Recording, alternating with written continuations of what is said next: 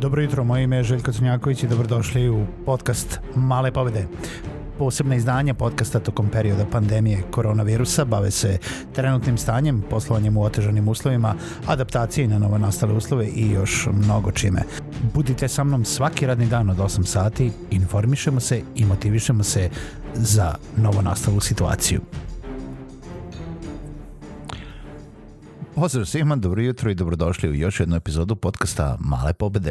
A, nadam se da se dobro ovo jutro, ovaj ponedeljak, ovaj, ovo četvrte nedelje samoizolacije a, u, u okviru ove pandemije i drago mi je da ste ponovo sa podcastom Male pobede, nebitno da li ga slušate odmah ili a, negde kasnije u toku dana ili možda čak neki drugi dan.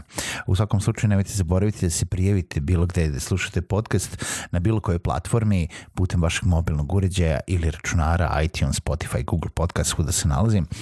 I um, ukoliko želite da me pišete, da me pitate nešto, da mi date neke ideje za neku temu, uh, da samo razgovarate u, možda kada vam je teško, jel da putem maila, pišite mi na malepobede.gmail.com ili na željko.malepobede.rs. Um, Danas želim da pričam sa vama o tome svi pričaju ne, u poslednje vreme o tome e, kako lakše provesti vreme u, u momentima kada više jel da vežbamo tu samoizolaciju, kada smo mnogo više kući, kada radimo od kuće, e, kako lakše da e, strukturirate sebi dan.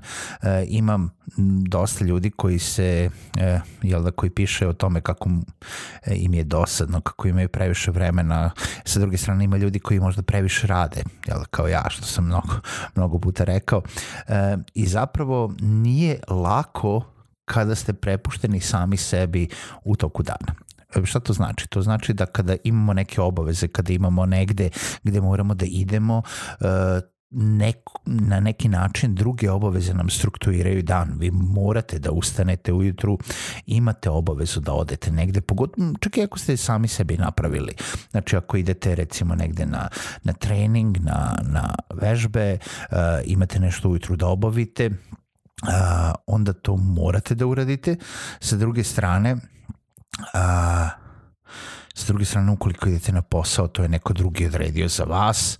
A, sa neke treće strane, ukoliko morate da idete u nabavku, u, jel, da vozite decu u vrtić, školu. Znači, sve su to obaveze koje su nekako, mo, možda neke zadate od strane vas, možda vam je neko drugi zadao, ali su, jesu obaveze kojima ste vremenom gradili neku svoju rutinu. Sada kako se nalazimo u tom periodu da ostanite što više kod kuće, eh, period samoizolacije, organizujete svoje vreme, dolazimo do toga da neko ima više ili manje vremena, ali zapravo ako nema tu neku svoju dnevnu rutinu, ako nije navikao na rad od kuće, može da se desi da mu ceo dan ispadne u neradu ničega ili da mu ceo dan ispadne samo u obavljanju jedne jedine stvari ili uh, posla ili tako nešto. Tako da svi o tome pričaju kako je bitno uh, napraviti neku dnevnu rutinu. A ja sam u ovom podcastu hteo da vam kažem kako bi mogli vi da napravite tu svoju dnevnu rutinu. A naravno vraćamo se nazad na ono što smo mnogo puta pričali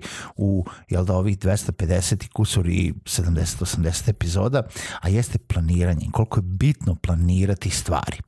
E, zapravo šta želim da kažem? Na, napravite, napišite, uzmite sebi e, papir, i napišite sebi listu svih zadataka koje bi trebalo da radite. E sad, to može da bude e, lista zadataka koje bi želeli da radite, koliko nemate.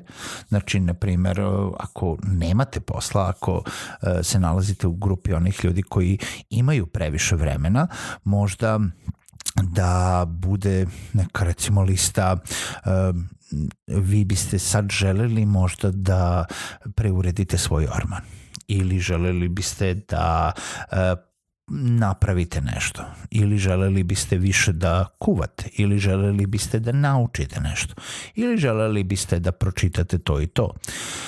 U svakom slučaju šta biste hteli da postignete. Naravno, ukoliko imate već previše obaveze, popišite ih sve na papir. Ako, ste, ako pričamo o poslu, napišite zadatke za posao, budite što konkretniji. Znači, nemojte samo napisati treba da idem na posao. Ne, zapravo, uh, oni koji idu na posao i suočavaju se sa time da mnogo više rade, e, ovu, ovu listu možda treba da naprave tako da budu produktivniji na poslu, tako da naprave neku rutinu kući kako će odvojiti taj privatni i poslovni život od jel da, jednog drugog. Samim time, znači, napišite i zadatke na poslu. Napišite šta je bitno, šta je hitno, šta je nešto što se non stop radi, a može da se odloži. E, napišite ono što morate da uradite, a ono šta je nešto u kontinuitetu ili što može da se uradi kasnije. Kada napravite tu listu, opet, setite se da radite listu sa sobom. Znači, niko vas neće proveravati, nikome nećete davati listu, tako da budite iskreni sami sa sobom. Uh, uzmite i analizirajte recimo jedan prosečan dan. Kada imate više energije, kada imate manje energije, kaka, kakva ste osoba, da li ste jutarnja, podnevna, večernja osoba, šta više volite da radite u koje doba dana. U odnosu na to, strukturirajte neki dan. Znači imate ovu listu zadataka i imate uh, jel da, neke, neka doba dana. Jutro, prepodne, okopodne, popodne, može popodne da bude rano popodne, kasno popodne, veče. U listi zadataka, pored poslovnih zadataka, znači treba da budu kompletno svi zadaci koji se odnose na jedan vaš prosečan dan. Pretpostavljam da je to uključujući i neke obaveze kod kuće, možda i škola sa decom, možda uh, igranje sa decom ukoliko su mala, znači sve, ne kažemo da su obaveze, ali zadatke jel da, koje želite da postignete kao uspešna osoba, uspešan roditelj, uspešna poslovna osoba kod kuće. Tako da nemojte se uh, ustručavati da napišete baš sve što treba. I onda počnete da slažete te događaje u odnosu na, te, u odnosu na ta doba dana. Uh, ukoliko vidite da nemate prostora negde u toku dana, pogledajte šta je bitno, šta je hitno. Ne mora svaki dan da izgleda isto. Znači napravite pet dana nedeljno raspored i počnete da slažete obaveze. Samim time primetit ćete da ste većinu obaveza, barem za većinu je tako, uspeli da stavite u jedan ili dva dana.